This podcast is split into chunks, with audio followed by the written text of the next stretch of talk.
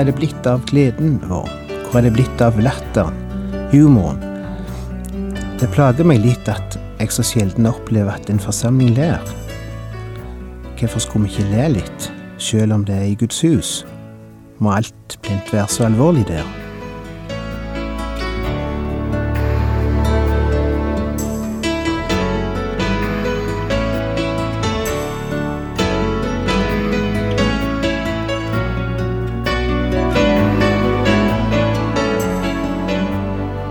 Hjertelig velkommen til et nytt program i serien Vindu mot livet. Vindu mot livet er basert på programserien Insight for Living ved Chuck Svindal. Programmet er produsert av Kristen Riksradio og blir ledet av Ola Joland.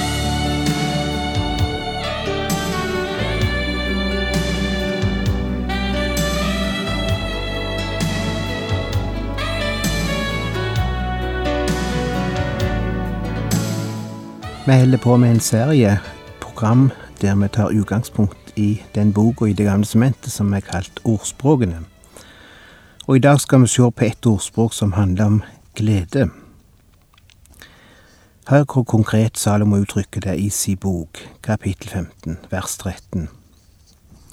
Glede i hjertet gjør ansiktet vennlig. Vi som snakker om glede, fullkommen om en glede som Bibelen uttrykker det. Sann glede, eller hva vi enn kaller det. Hvordan ser vi ut? Jeg mener i ansiktet, for å være litt konkret, like konkret som Salomo er. Hvordan kommer vår indre glede, hvis den i det hele tatt er der, til uttrykk i livet? Hva slags inntrykk skaper vi hos folk av kristendommen? Et annet ord ifra den samme bok sier det slik i kapittel 17 og vers 22. Glede i hjertet gir god helse. Mismot tærer på marg og bein. Går vi rundt med dype rynker i pannen, hva er det folk legger merke til ved oss? Er det det at vi går på bibelgrupper, på møte og driver all, driver all slags aktiviteter? Eller er det det at vi har et ansikt som viser at det er glede der inne? Eller er glade kristne blitt et unntak? Jeg lagt merke til at der åndens frukter står nevnt i Galaterbrevet, Galaterne 5, 22, de resultatene altså som skal vise seg i en kristen som resultat av ånden som bor og virker i han. Det er det som kalles åndens, frukter. Der er glede som nummer to av disse åndens frukter. Det står slik Åndens frukt er kjærlighet, glede, fred, overbærenhet, vennlighet, godhet, trofasthet, tålmodighet og selvbeherskelse. Vi snakker så mye om kristen kjærlighet og alle de andre egenskapene som føler av kristenlivet. Men vi har ikke glemt at gleden er en av åndens frukter, det òg, og er nevnt som nummer to i rekken av åndens frukter. Du kan kanskje se etter en gang neste gang du er på møte eller gudstjeneste. Se på ansiktene, se på skikkelsene. Tenk deg at du var en ikke-kristen som var på et møte for første gang.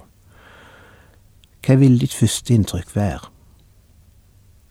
Ja, du kan bare tenke over det.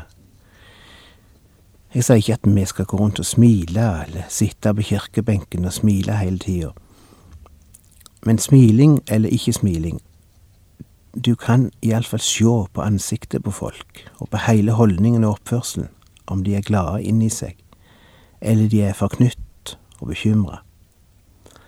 Og hvis gleden er et unntak, jeg mener en glede som kan sjås på en eller annen måte, hvis det er et unntak, da er det noe som er galt. For gleden står på toppen av lista over åndens frukter som skal vise seg i menigheten. Noen vil si kristen glede er noe mye dypere enn den overfladiske utenpågleden. En trenger ikke alltid vise seg i smil og latter. Jo da, det kan for så vidt være noe sant i det, men jeg er ikke så sikker på om den djupe gleda plent trenger være skjult for andre. Det er en sammenheng mellom det som ligger djupt der inne hos deg, og det som kommer ut. Det som kommer til syne for andre. Jeg er ikke noe hjelp av en kristen som er glad hvis gleden er skjult. Når gleden er nevnt som en av de første åndens frukter, da tenker jeg på synlig glede, en glede som kan nytes òg av andre. Og det plager meg litt at jeg så sjelden opplever at en forsamling ler, for eksempel. Kristen forsamling. Hvorfor skulle vi ikke kunne le litt, sjøl når vi er i Guds hus? Hvorfor må alt være så gravalvorlig der? Og så har jeg lagt merke til at når vi kommer ut ifra møtet, og gjerne heim, da slipper vi humoren løs. Jeg er sjøl vokst opp i en heim der predikantene ofte bodde når de hadde møteveke i bygda hjemme. Og det hendte òg ofte at predikantene kom sammen hos oss om mandagskveldene, da de hadde fri fra møtene. Predikantene ifra distriktene rundt. Og da var det liv og leven og vitser og latter og spel og sang så du kan aldri tru det. Av og til kunne nesten grense til det uhemma, når gleden og humoren og latter slo seg løs. Nesten som en tok lokket av en trykkoker, noe en hadde holdt inne og fortrengt mens en var på møtene, og så eksploderte det liksom når en hadde fridagen, mandagen, og kaste hemningene.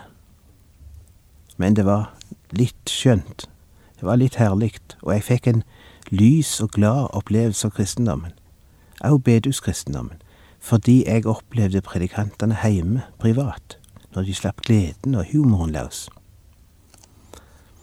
Men jeg må jo tenke, hvorfor kunne en ikke sluppet litt mer av dette løs i forsamlingen? Når de truende var sammen til møte og oppbyggelse. Er det slik at det ikke kan forenes, dette med glede og et alvorlig budskap.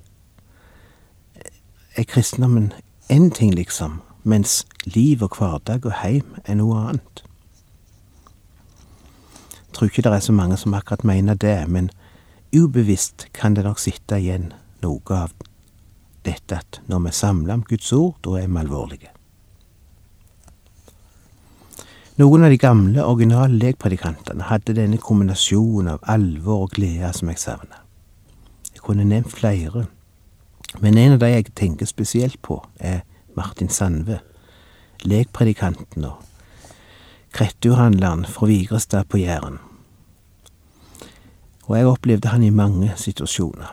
Jeg opplevde han i heimen, når han var innom minst en gang i veka og drakk kaffe. Og når Martin Sandve kom til gards, da var det fest i huset. Og det ryktes gjerne rundt på nabogårdene i bygda at i kveld kommer Marten Sandve til Bjorland, og det hendte at folk kom snikende fra nabogårdene. Han var som en magnet som trakk folk til seg, både kristne og ikke-kristne, fordi det var liv og latter rundt han, ekte livsglede.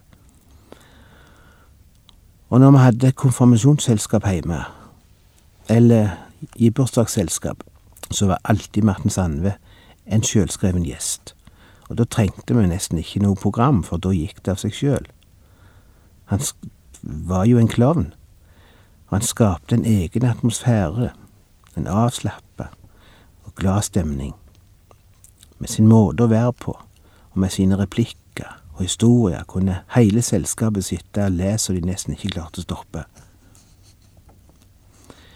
Jeg opplevde han òg i arbeidslivet, hvis vi skal kalle det slik, altså når han drev business, for det gjorde han. Kom kjørende med lastebilen med høye karmer, det vil si han kjørte ikke sjøl, han hadde leiesjåfør. Men han kom altså der med lastebilen for å kjøpe og selge kyr eller sauer, eller grise for den del.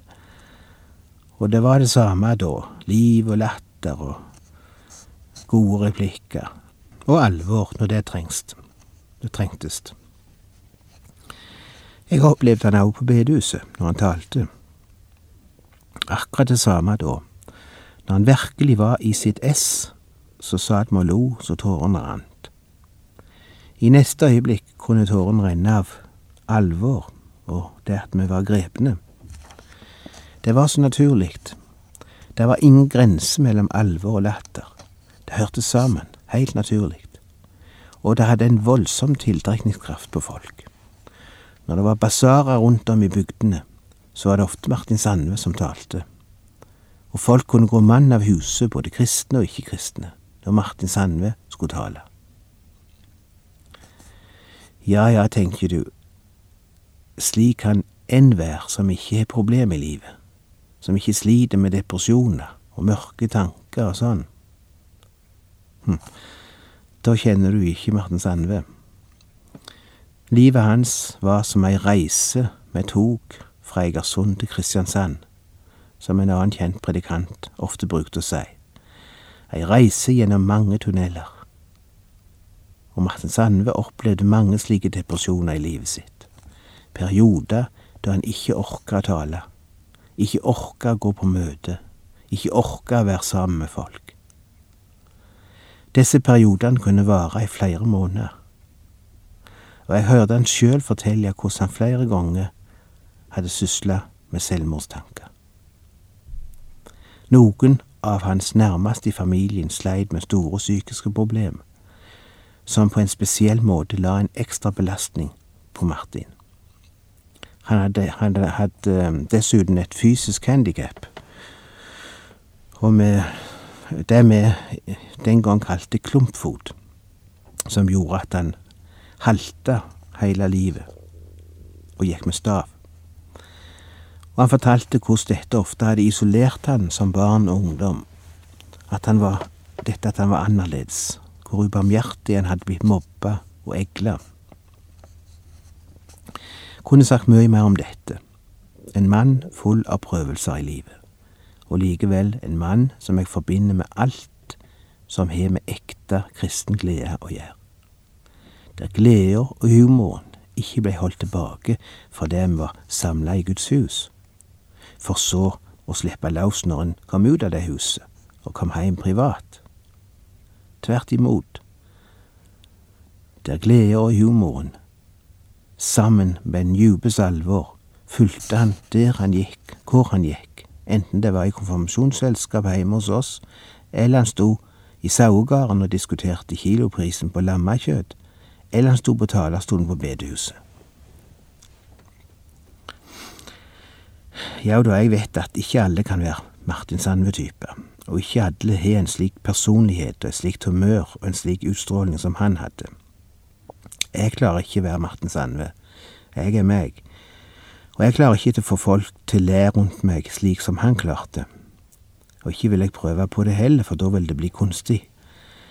Men jeg vil stimulere til og oppfordre til å framelske all sunn humor og synlig glede og ekte glede, så mye som jeg kan, òg når vi samler i Guds hus.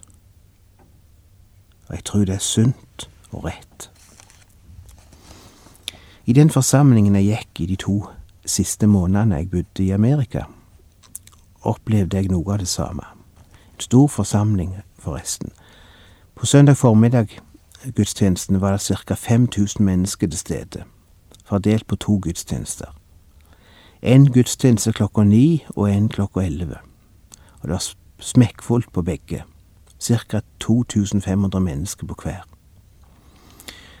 Hvis vi ikke kom tidlig nok, fikk vi ikke plass og måtte gå inn i et kapell ved sida av sjølve kirkerommet, der gudstjenesten eh, på det, I dette kapellet ble gudstjenesten da overført på en stor skjerm. Òg det lokalet ble etter hvert fullt. Det hele minner meg om det store Billy Graham-aksjonen i Skandinavia for mange år siden, der vi satt og fulgte møtene på en stor fjernsynsskjerm, eller på store fjernsynsskjermer rundt om i landet. Rart å oppleve noe lignende i ei lokal kirke, og det hendte hver eneste søndag formiddag.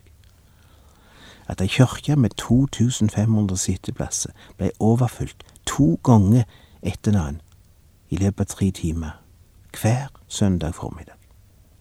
I tillegg til kveldsmøtene. Og så var det til søndagsskoleklassene. Og du vet, i Amerika har de ikke søndagsskole bare for barn, de er også søndagsskole for voksne. Det er mer som bibelklasser som de går på før eller etter gudstjenesten. Vet du hvor mange slike klasser det var i denne kirka søndag formiddag mellom de to gudstjenestene? 40 klasser. Og da tenker du at de må ha vært små, disse klassene eller gruppene. Vel, den klassen jeg tilhørte, bestod av ca. 150 mennesker. Og det var én klasse av 40. Noen var sjølsagt også mindre. Det var en klasse for nye kristne. Det var en klasse for enslige. Det var en klasse for unge ektepar. Det var en klasse for folk med ekteskapsproblem. Det var en klasse for folk med alkoholproblem. Det var en klasse for nesten alle ting du kan tenke deg. Og sjølsagt valgte du frivillig hvilken klasse du ville tilhøre. Det var fellesskap, det var omsorg, det var kjærlighet, det var veiledning i vanskelige livssituasjoner. Det var mye glede og mye latter og mye humor. Folk strømte til, og folk sto i kø for å komme til gudstjeneste og til søndagsskole. Og vet du, da vi skulle melde barna inn i søndagsskolen, fikk vi vite at i en av klassene var det et halvt års ventetid for å komme inn. Har du hørt om det før? Et halvt års ventetid for å få plass i søndagsskolen. Og da vi fulgte vår tolvårige datter til hennes søndagsskoleklasse første gangen, og hun var sjølsagt nervøs, for hun kjente ingen, og vi tenkte at det nok ville ta litt tid før hun ville, ville føle seg hjemme i en slik stor, ny klasse, for du vet, barn er ofte ikke de som tar mest hensyn til nye de heller seg til sin egen klikk, og kan være nokså hjerteløse overfor andre. Men så kom der eh, Vi kom der da med, med henne, som er foreldre, og vi sto i døra og så inn i den store salen, der barn satt rundt småbord, og noen sprang rundt, og noen sto i flokker og pratet. Møtet var ikke begynt ennå, eller søndagsskolen og ikke før var vi kommet inn og sto litt der nølende nederst i rommet, før to søte barn, søte jenter på samme alder som vår jente i tolvårsalderen, kom springende bort til oss og henvendte seg til vår datter og sa Hei, er du ny her? Har du lyst til å være med i vår gruppe? Og så tok de henne med seg og viste henne rundt og ga henne akkurat den oppmerksomhet en nykommer trenger for å føle seg hjemme. Og der forsvant du. Og jeg sto bare og måpte, jeg trodde ikke mine egne øyne. Tolv års gamle barn. Selvsagt er det noe de har lært og blitt opplært i og oppdratt i. Men du kan tenke, kan du tenke noe som gjorde så inntrykk? Er det rart at det er et halvt års ventetid i ei forsamling der han blir tatt hånd om på en slik måte? er det rart at det er kø utenfor gudstjenestene og bibelklassene i ei kirke der en lærer sammen og synger lovsanger sammen og praktiserer omsorg og kjærlighet, og får høre om de problemene en sjøl sliter med i hverdagen. Nei, vi skal komme helt på avveie.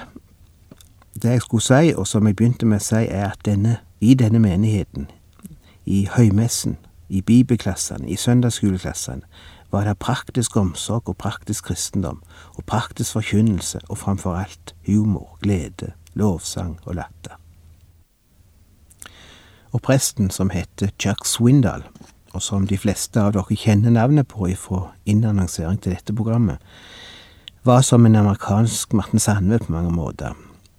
Praktisk forkynnelse, omsorg, masse humor. I livet og hverdagen så vel som på talerstolen. Atlands taler opp gjennom åra er blitt tatt opp på lydbånd og blir sendt nå over 1000 stasjoner, radiostasjoner over hele Amerika. En, en halv times program hver dag, over flere og flere land også utenom Amerika. Og det er dette programmet jeg har fått lov til å bruke og bygge på i mine program. Og jeg har fått den glede å personlig bli kjent med Chuck Swindal og hans familie, og med hans team. Og det som særpreger Chuck Swindals forkynnelse og radioprogram, ved siden av å være praktisk og jordnært, det er hans sans for humor. Og jeg vet ikke hvor mange brev han har fått fra lyttere der innsenderen har skrevet Kjære Chuck, vær så snill og aldri slutt med å le i programmene. Din hjertelige og naturlige latter er som ei sol som tiner opp isen i min hverdag. Din latter gjennom radioen er den eneste latter som er i denne heimen. Nå er det ikke alle som har en slik naturlig smittende latter, jeg skulle gjerne hatt det, og jeg skulle gjerne ledd hjertelig i mine program. Et av problemene er imidlertid at Chuck Swindal står framfor en forsamling når han taler, mens jeg sitter framfor en mikrofon. Da er det ikke så lett å spille så mye på de humoristiske strengene. Jeg kan jo ikke høre dere eller se dere, og høre når det ler når jeg forteller vitser. Jeg får reaksjon noen dager etterpå i form av et brev. Men jeg er for latter, og jeg er for humor og for glede. La oss være ikke så alvorlige alltid, og så kritiske. La oss ikke glede, drepe gleden og latteren hos oss sjøl eller andre. La gleden vise seg. Ikke si at kristen glede er annerledes på den måten at den er skjult.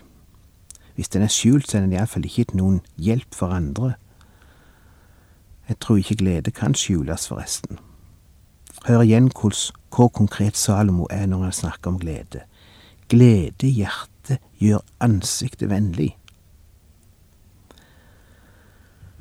Og i eh, kapittel 17, vers 22, sier han glede i hjertet gir god helse. Mismot tærer på mag og bein. Du ser, dette er ikke bare et spørsmål om personlighet og om vår natur og legning. Det har litt med holdning å gjøre, og bevissthet. Vi kan gjøre noe med dette.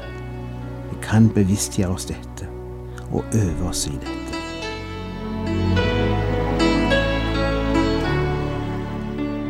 Du har hørt på et program i traserien Vindu mot livet med Ola Bjoland. Dette programmet kan du også høre på våre nettsider p7.no.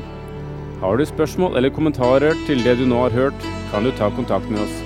Vårt telefonnummer er 56 32 1701. Om du heller ønsker å sende oss en e-post, kan du bruke adressen post krøllalfa p7.no.